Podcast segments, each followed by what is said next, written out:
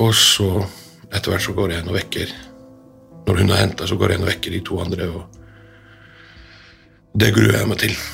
Å vekke dem, la de sette seg i sofaen fortelle dem at mamma er død.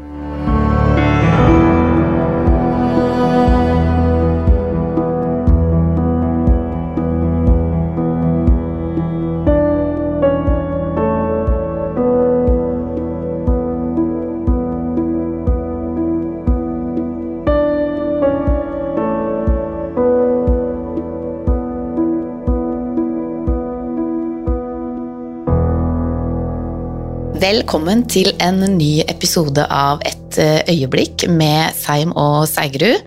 Hei igjen, Siri. Hei, Tina. Og hei og velkommen til eh, gjesten vår i dag, Hagbardur Walsson. Velkommen. Hei, hei. Takk for at jeg vil komme. Du, Hagbardur, du um, har jo uh, litt av en historie som vi skal få høre mer om. Men um, det starta jo egentlig faktisk allerede på 90-tallet, da du møtte kona Det som skulle bli kona di eh, for første gang. Ja, Stemmer det? det stemmer. det. Nå rakk vi ikke å gifte oss, dessverre. Men, Rakk eh, ikke gifte dere. Nei. Vi møttes i 97, sommeren 97. Riktig. Hun var en uskyldig au pair i Oslo. Og begge to er egentlig fra Island, men dere møttes uh, i Norge i forbindelse med at hun var her uh, som au pair, som du sier. Ja, vi er begge to født og oppvokst på Island. Ja.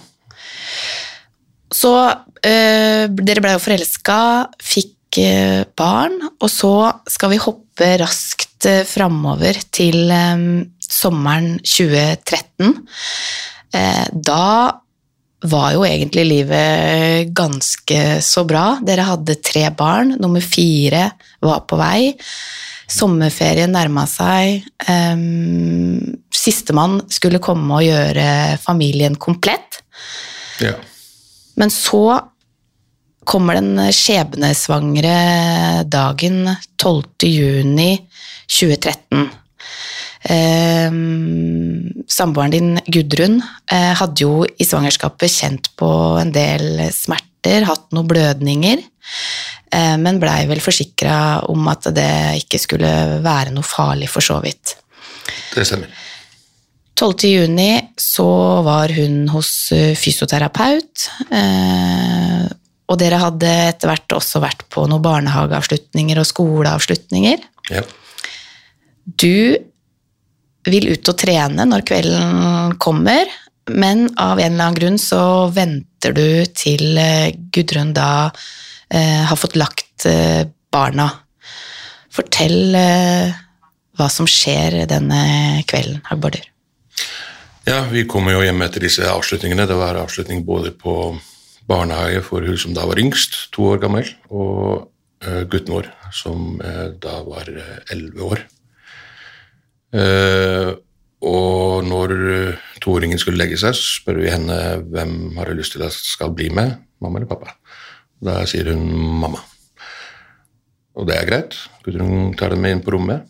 Og jeg tenkte jeg skulle gå og trene, men ville, ville bare vente til hun sovna. Bare sånn for å Ja, et eller annet. Så går det en liten stund, telefonen til Gudrun ringer, og jeg ser at det er faktisk fysioterapeuten. Og jeg tar opp telefonen, og hun skulle avtale en eller annen tid dagen etterpå. Og mens jeg prater med henne, så hører jeg hosting og harking i Gudrun og et eller annet inn på rommet. Og at hun jeg syns jeg hører at hun, at hun roper på meg. Så jeg sier til fysioterapeuten du, jeg, jeg tror vi må bare avslutte nå, jeg ber om å ringe deg opp igjen. Legger fram telefonen, og da har Gudrun stått opp fra senga, kommet seg ut på gangen utenfor, uh, utenfor rommet, og, og, og jeg, i det jeg kommer, så faller hun om. Og jeg får ikke, jeg får ikke kontakt med henne. Og jeg ser jo med en gang at hun, at hun ikke er bevisst. Uh, og ganske kjapt så blir hun helt lilla i ansiktet. Og det første jeg gjør, er at jeg jeg skal jo ringe ambulanse, og det første jeg gjør, er at jeg tar opp telefonen og jeg ringer moren hennes som bor rett ved, og sier du, kan, du må komme med en gang. Uh, Gudrun har falt ned, du må komme med en gang. Og så tar jeg og ringer ambulanse og løper ned i etasjen under, banker på døra til utleieren og sier 'kom opp og hjelp meg'. Og så går jeg opp. Og da, da og da starter vi med, med Jeg får ikke noe liv inn, ikke noe takk inn, og ser ok, hun puster ikke. Vi må sette i gang med, med hjerte og lunge altså, ja, Rett og slett livreddende tiltak. Og så tar det noen minutter, eh, ikke mange minuttene faktisk, før moren hennes dukker opp. Og hun er jo trent i dette her, Ok. så hun tar over. eh, Mens jeg holder kontakt med, med ambulansen, eller, eller, eller nødsentralen. Utleieren han begynner å, begynner å gå ned og åpne alle dører og, og veive når de kommer inn, og så kommer hun, dukker opp to først, og så etter hvert kommer det flere og flere. Og de fortsetter, og de fortsetter å prøve å få liv i henne. Og etter hvert så blir det ganske mange der inne. Og stakkars jentene som var hjemme, de Ja. to, to jentene var hjemme, gutten var ikke hjemme. De, jeg må jo, mens dette foregår, så prøver jeg å dirigere dem litt rundt på en Prøver å holde hodet kaldt, rett og slett. Og, Ja, for de er våkne og får det med seg. ja, ja, de er våkne for det med seg. Og hun, hun eldste, da, hun var 13 år, hun, på den tiden, hun tar jo den yngste i fanget, rett og slett. Og, for hun hadde jo kommet ut og stått over mamma, ikke sant, og mamma, igjen. Så da er det bare å holde de rolig, jeg bare, bare, bare ta, og kom inn i stua, ikke sant, og så må de klatre over beina hennes mens jeg holder på med ja, massasje på lungene. Klarer du å beholde roen? Det høres jo sånn ut, men hva, hva går gjennom huet på en når eh, man står oppi noe sånt med barn og en svigermor og, og da kjæresten og samboeren din eh, som ligger på gulvet helt livløs? Ja, det er jo nettopp det, å holde, beholde roen. Det, er, det er det aller, aller viktigste. Fordi når dette skjer, så er det ingenting man kan gjøre annet enn å holde roen. Beholde roen. Hvis jeg får panikk, begynner å hyle og skrike, alt er altså, det, det hjelper ingen. Så det er veldig, veldig viktig å bare, bare liksom Jeg vet ikke hva det man sier på norsk, men det er å diffuse the situation. Ja? Det, er Mm, bare å, ja, det er bare å ta ut proppen og Slapp av, det går, fint. Jeg hjelper mamma. Jeg kan bare gå dit og gjøre sånn at det helt med ro, det går bra. Ja, ikke sant? Men å liksom få de sånn at de kan se på avstand, men ikke veldig nært. Nemlig. Så, som du sier, så, så kommer jo ambulansen og sånn, og eh, Gudrun blir etter hvert eh, kjørt av gårde til Ullevål. Ja, det som skjer, er at eh, det kommer jo mange, og det kommer eh, leger. Og det kommer en, en lege der eh, som skjønner at her må, her må vi få ut ungen. ikke sant? Ja. For hun var jo 30 uker på vei. ja. Det var på dagen to måneder før hun skulle fødes. Så de tar beslutningen om å ta keisersnitt på gulvet hjemme. Så der blir hun dratt midt ut i stua. Eh, Det blir hentet, Utleieren vår henter noen arbeidslamper i kjelleren. Eh, Vi setter eh, noen håndklær i mikrobølgeovnen, ikke sant. Og så er det ja, ta, ta, foretar han legen sitt første kutt på 30 år. Er det sant? Ja, og det er i en stue i et privat hjem. Nei, fy søren. Og det er vel også sånn at eh, det har ikke blitt På det tidspunktet har det ikke blitt gjort tilsvarende i Norge. Nei. At man tar et eh, keisersnitt da, i, i et privat hjem. Nei, ikke, ikke, ikke, på, ikke, ikke sånn. Det, det I snakker vi om alvorlig etterpå. Mm. Var det primært da for å Målet var liksom å redde Gudrun? Ja, Ja. det var først og fremst å redde mor. Mm. Og hun jenta som kom ut der, som vi har døpt Rosa Jonna, hun hadde ikke puls. Ikke sant? Så de måtte få liv i hendene. Prøvde å få liv i hendene. De regnet i utgangspunktet ikke med det. Nei. Men hun var overraskende stor. Hun var 2,4 kilo, egentlig. Ja. Og alle barna våre har blitt født store, så det er noe med genene. Så de brukte et minutt på å få, få, få hjertet hennes i gang. Ja. Men allikevel så, så tok det såpass lang tid at hun har en varig hjerneskade. ja, ikke sant. Blei det en eh, ekstra belastning oppi det, eller er man på det tidspunktet liksom så eh, i situasjonen at man ikke Men det at hun ikke pusta sånn da til å begynne med, eh, klart, kunne du, klarte du å forholde deg til det, eller var det Gudrun som var fokus? Nei, mitt fokus var når, når legene kom og de bestemte seg for dette, her, så sa de at det er kanskje best at du tar ungen inn på rommet. Så? Det er jo ikke noe for ungen å se. Og jeg gjorde det, og jeg, jeg, jeg skjønte de liksom satt av en for å prate med meg og oss, men jeg sa bare ta, ta dere, ikke, ikke tenk på meg, vi går inn. Slapp av, bare tenk på dette, her, det er- jeg har full kontroll. Prøv å liksom berolige dem, legene, med å tenke ikke sant, dere, trenger ikke å bekymre dere for meg eller oss, jeg tar meg av dette her, ikke sant? Mm. problem. Så da så tok, tok, jeg, tok jeg jentene inn på soverommet. Ja. Og der sto vi mens de gjorde dette her. Og toåringen sovna i fanget mitt. Huff a meg. Det er heftige greier. Ehm, Men, men som du sier, altså, jeg, for meg var hele situasjonen en pakke. Jeg kunne ikke skille mellom oi, hvordan går det med jenta hvordan går det med Gudrun. Men så en på viset blei at de, de, de fikk jo puls hos Gudrun. da. Og fikk eh, frakta henne ned og inn i, inn i intensiv ambulanse, ikke sant? hvor de sto i en, en stund for å stabilisere henne før de kjørte ned. Det samme gjorde de med jenta, lille jenta. Ikke sant. Så, så beskjeden var, når de, når de kjørte, da var beskjeden at ja, Gudrun, vi har fått opp pulsen hos Gudrun, men hun er ikke ved bevissthet. ikke sant? Tenkte du da at dette kunne gå bra? Altså, jeg, jeg tenkte ikke da at, at hun kommer til med å dø. Nei. Det, det gjorde jeg ikke. Jeg, jeg tenkte det mens vi holdt på, ok, dette kan være slutten, ikke sant?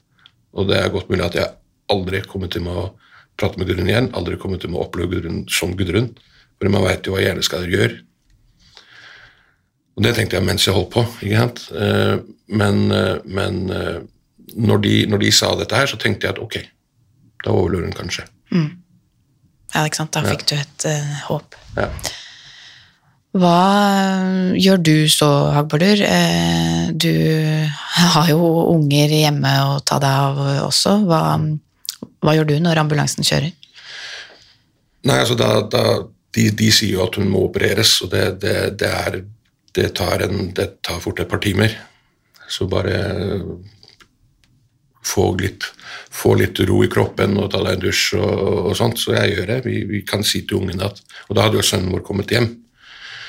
Eh, Så vi kan jo si til ungene at ja, de har hjertet til mamma, det stoppa, men det, det slår nå. Så, så nå er hun på sykehus, og de legene skal, skal hjelpe henne.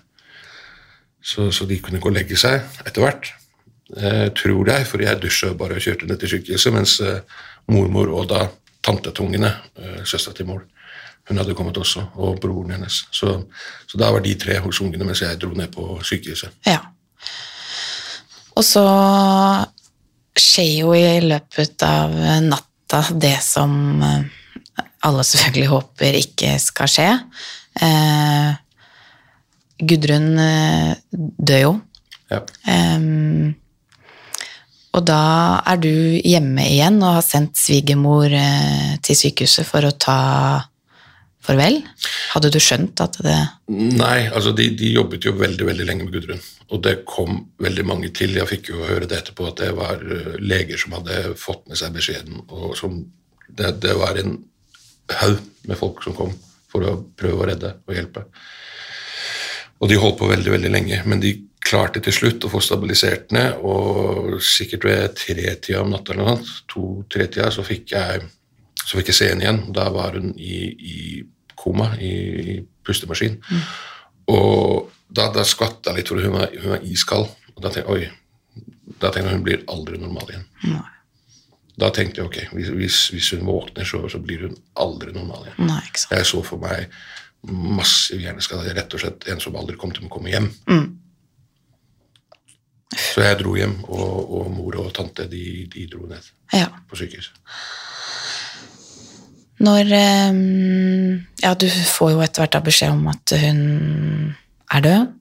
Og så kommer det jo en ny dag, eh, som det jo gjør uansett hva som skjer. Ja.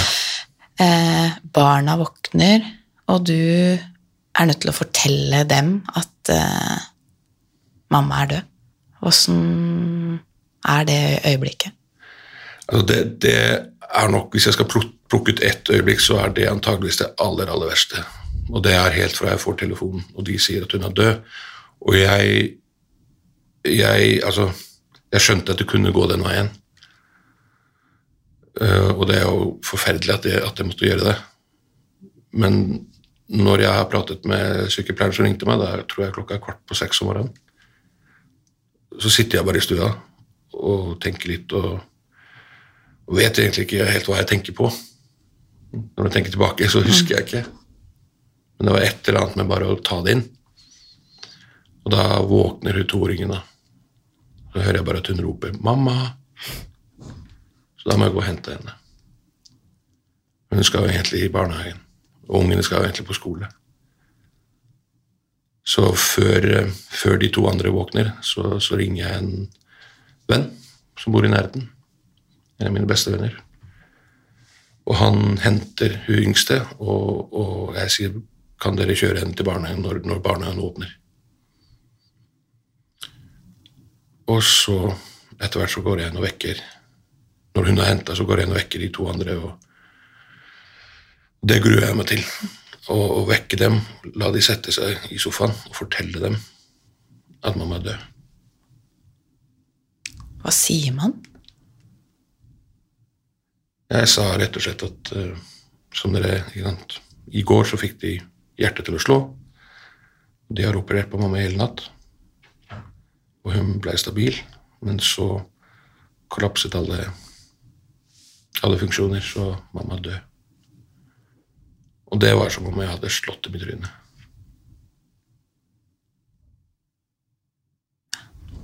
Ja, det går knapt an å forestille seg holdt på å si, både hvordan det må være for deg å gi den beskjeden, og ikke minst eh, hvordan det er for dem å måtte få høre det. Ja, det, det, jeg glemmer egentlig aldri, aldri når jeg satt der, og de satt ved siden av hverandre. Og jeg prater, og jeg tenker jeg kan ikke dra det ut. Jeg må bare si mamma er død. Rett og slett. Ja, det, er det er jo- akkurat som det er. Ja, for det er, det er liksom ingenting Man kan ikke pakke det inn i det hele tatt. Nei, ikke sant? Og uten, uten at Ja, så har jo alle barna på en måte vært hjemme når dramatikken står på Ja, kvelden før, da. ja. Så de har jo på en måte sett at det er og Antageligvis skjønt at det er noe alvorlig. mm. All den tid mor eh, blir operert med keisersnitt hjemme, men også blir frakta til sykehus. da. ja. Ja, og Nå er ikke jeg noen fagperson på dette her, men jeg har også hørt eh, akkurat det du sier, egentlig, Bardur, at, eh, at man skal Når det er sånne vanskelige, vonde ting, så, så er jo egentlig det beste å, å si ting ganske rett ut og være ærlig på ting og tang. Ja, altså selvfølgelig. Si det på penest mulig måte, da, og, og ikke, bare, ikke bare kaste det ut. Men, men, eh, men det er sånn det er. Absolutt ingenting vi kan gjøre med det. Nei. Absolutt ingenting. Men midt oppi dette her, da har du på en måte fortalt barna dine at mamma ikke kommer hjem igjen. Eh, hun er død. Eh, du har mista din samboer, din kjæreste. Ja. Men samtidig så er det det nye familiemedlemmet, det, det er med deg. Ja, fordi, fordi hun ble også kjørt ned til Ullevål, da. Eh, og jeg visste ikke om det var gutt eller jente. Nei, du visste ikke det? Nei, nei, jeg visste ingenting. Og når eh, jeg satt, på, satt ved akutten der og på vente, venterommet der, på en måte, akuttmottaket, og legene kom og skulle prate med meg og fortelle meg hvordan det gikk, så spurte jeg men barnet, er det, er det gutt eller jente, og da, da visste ikke dem heller. Nei. Men så fortalte de meg hvor hun lå, så da kunne jeg gå og se henne da. Eh, midt på natta der, før jeg dro hjem. Og da, og da var jeg, jeg, jeg Da tenkte jeg at jeg liksom skal ikke knytte meg for mye til dette, for de, de sa at hun, eh, det var relativt kritisk der i første timene. Men allerede dagen etterpå så var hun, så var hun mye mer stabil, selv om hun var jo, hadde jo masse problemer. Ja. absolutt. Ja. Og hjerneskade, varig hjerneskade og alt dette her. Så, så, så, så gikk det egentlig ganske kjapt før de skjønte at hun, ok, hun kommer til å klare seg. Ja, ikke sant. Og bare mm, for å si det for eh, dem som eventuelt lurer, så viste det seg vel i ettertid, Dagbardur, at eh, det som skjedde med Gudrun, det var en akutt fostervannsforgiftning og blodpropp i lungene, stemmer det? Det, var, altså, kan, det kan ikke påvises at det var fostervannsforgiftning, men, men at det var en blodpropp, Ja. det, det er temmelig, temmelig sikkert. Og at det var jo blod i livmoren. Og, og, og det som ble kommentert av han eh, utleieren vår som, som sto over dem og holdt lysene, han sa jo at de hadde reagert på at morkaken var jo omtelt, omtrent delt. Det var jo det som vi hadde sett på ultralydbilder når hun hadde vært på sykehus og det hadde blødd, det er at det kom noe, blod bak der. Ja, ikke sant. Så, så, ja, så det har jo vært blod i, blod i livmoren, antageligvis fra en rift, eller at morkaken har gjort et eller annet, og det er antageligvis blitt, eh, blitt litt sånn forverra av den fysioen om dagen. Fysiotimen, ja. Ja, for hun sa til meg når jeg henta henne, så spurte jeg hvordan var det Hun sa det, det var jævla vondt. sa hun. Jævla vondt. Jeg følte som om noe knakk inni meg. sa han. Men jeg tror at det skal bli bedre. Jeg, jeg, jeg tror at det skal bli bedre på sikt. Uff. Ja. Ja. Da står jo du eh, Plutselig er du alenefar til eh, fire. Og Rosa Jona er jo da um, Hun har jo fått en hjerneskade, som du sier.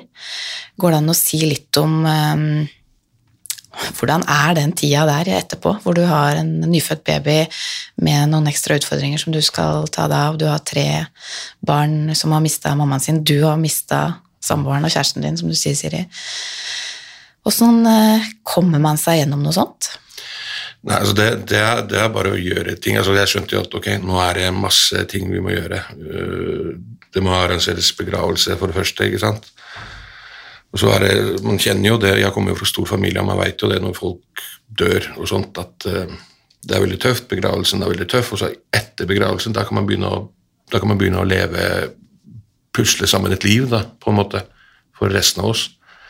Eh, Så det er liksom bare det praktiske, få det unna. Og igjen, jeg kommer fra stor familie, det er masse hender som hjelper. Jeg er jo yngst av syv søsken, ikke sant, så, så, så jeg ble veldig godt ivaretatt av alle rundt meg. Og det ble jo, det ble jo iverksatt et kriseteam hos Nittedal kommune når, det, når dette skjedde. Så, det så de, de kom jo inn veldig sterke, da. Men, eh, men det, er, det er bare å gå igjennom det.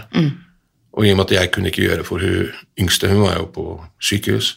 Vi kunne komme, vi kunne holde henne i fingrene. Hun klemte jo rundt fingrene våre, så da kjente vi ok, hun er, hun er der, men hun kunne jo ikke røre seg. Hun åpna øynene, og hun kunne jo ikke svelge noe, så hun var jo under overvåkning i ja, to og en halv måned før hun kom hjem. Ja, ikke sant.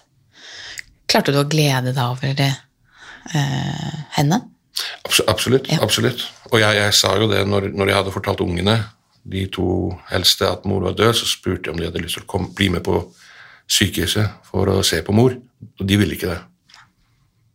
Jeg, jeg ble egentlig litt overraska, Ja, men så sa jeg men har du lyst til å se lillesøster? Og ja, det hadde de lyst til. det ville de. Ja.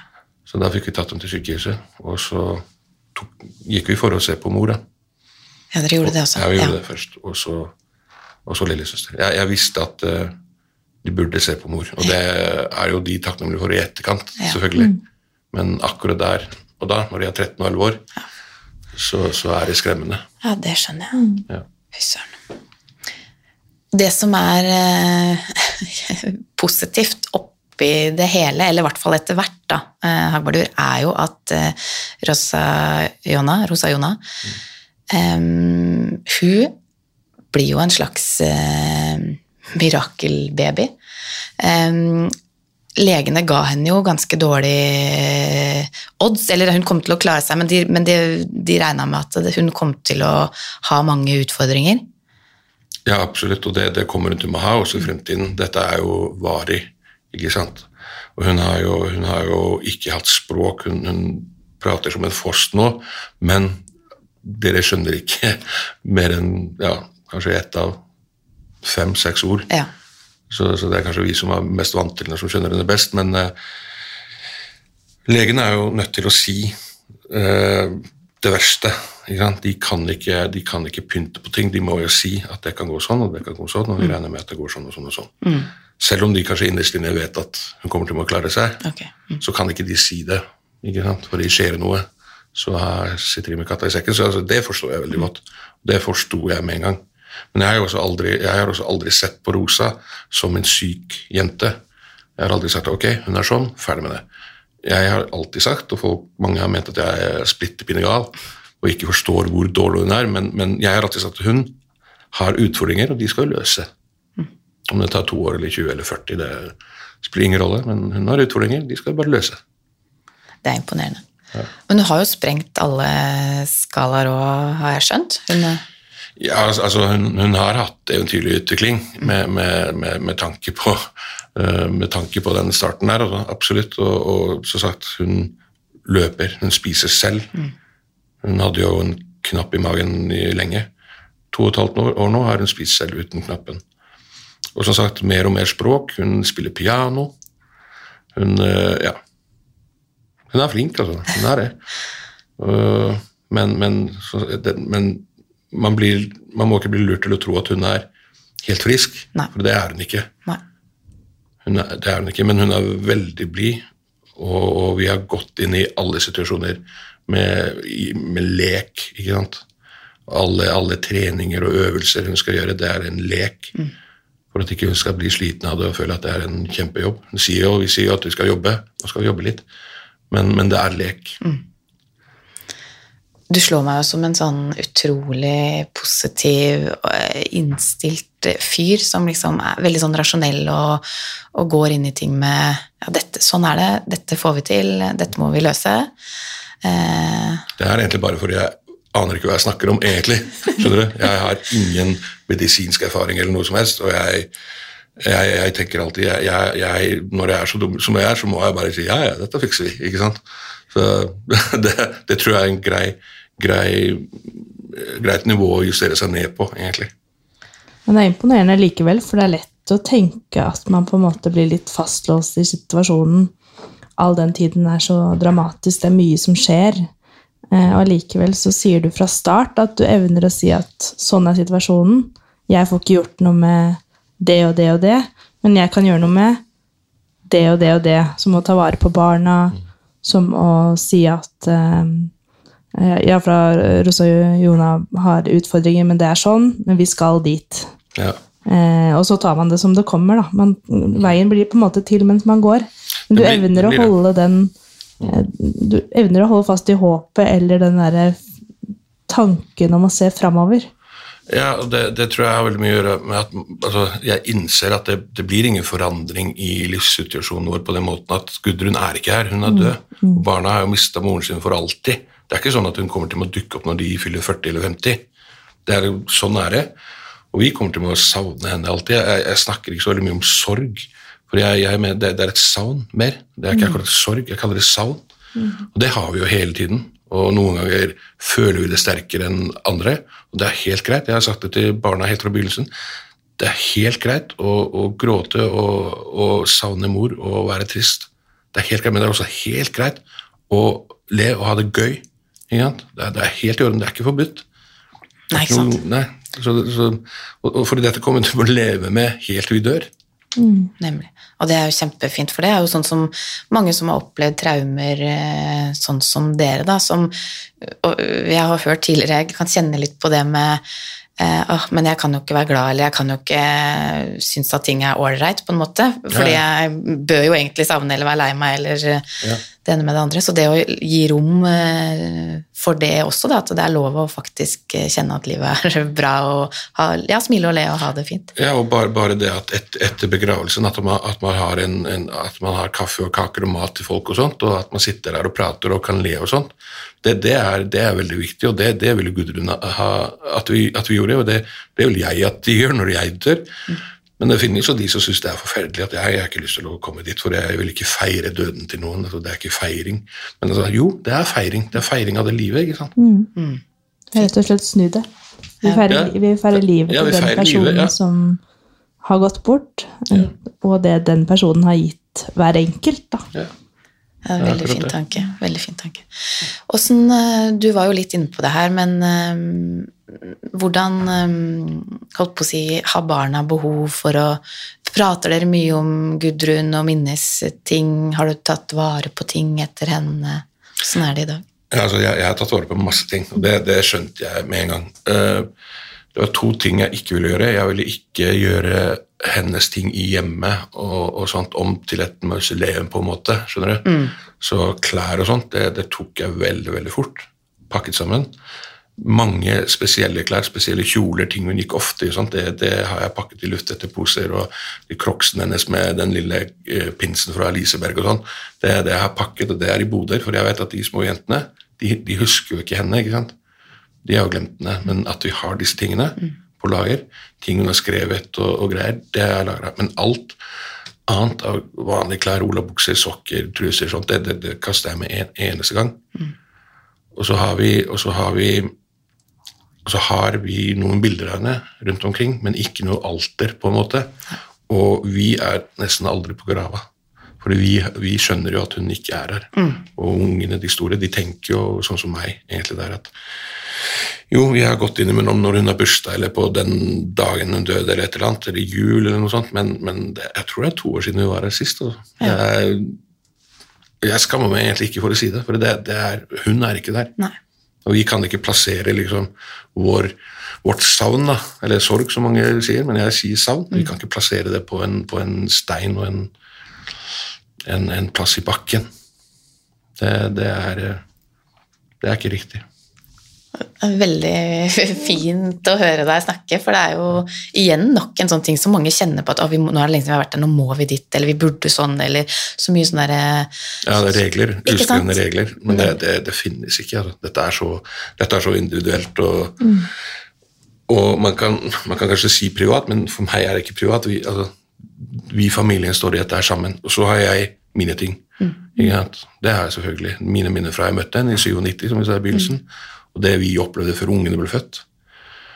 Ikke? Og hvordan det var. Det er veldig fint å se videoklipp og, og, og ting og tang, og vise ungene nå videoklipp fra 97-98, når mora deres var liksom 18-19 år og møtte meg. Og vi var ute og reiste, og vi var ute og gjorde ditten og datten. De får helt ja. De ler litt av oss, men ja, det er greit. Det hører jo med. Ja, det er jo barns jobb jobb. Le litt av foreldrene. Det er i hvert fall litt mye av mine innimellom. Men jeg lurer på en ting, eh, og det er litt sånn Man har jo blitt stående igjen som eh, far til fire. Men hvordan har du på en måte tatt vare på deg selv oppi alt dette? For å kunne håndtere alt eh, det du har rundt deg, og at man kan være familien og Ja, gå altså, og leve med det her. Altså, jeg, jeg Det høres kanskje, kanskje veldig hovent ut, men jeg føler at jeg er veldig godt rusta til sånt, å takle, takle kriser, faktisk. Det, det tror jeg kommer av at når jeg var liten på Island, eller elleve år, så begynte jeg å jobbe som telegrambud.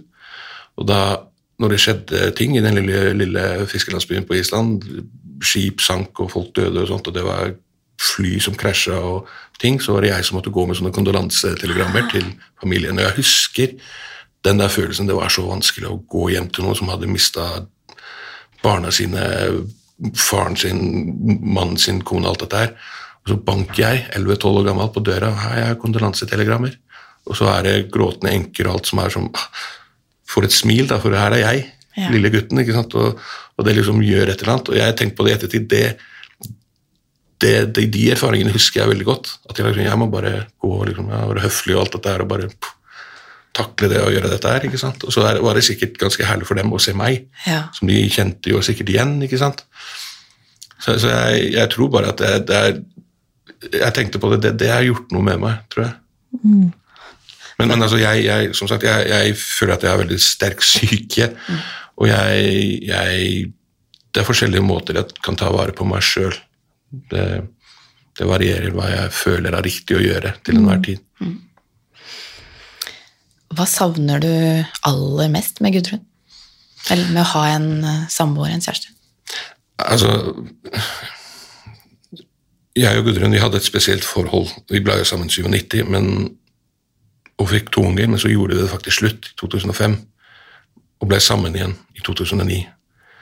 Og det sementerte liksom vårt forhold. Vi skjønte at dæven, vi er så heldige å finne tilbake til hverandre, og vi skjønner liksom at ok, det er oss. Det er vi er familien. Og det, det er en utrolig ro som senker seg over deg. Du, du, du skjønner at her er det mennesket jeg kommer til med å ha hele livet. ikke sant? Så, så det savner jeg, den følelsen av at liksom ha en som deler bekymringer i huset, for hus og hjem og, og, og karriere og alt dette her, og som du kan stole på, du, du har den tryggheten av å ha ved siden av deg, med deg i livet. Det er den tryggheten jeg, jeg savner i, i forholdet vårt. Tror du du kan finne det igjen?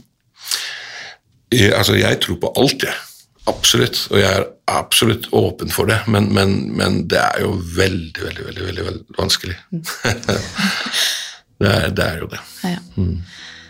Utrolig fint eh, å høre på deg, Baldur. Tusen hjertelig takk for at du kom hit og snakka med oss. Bare hyggelig.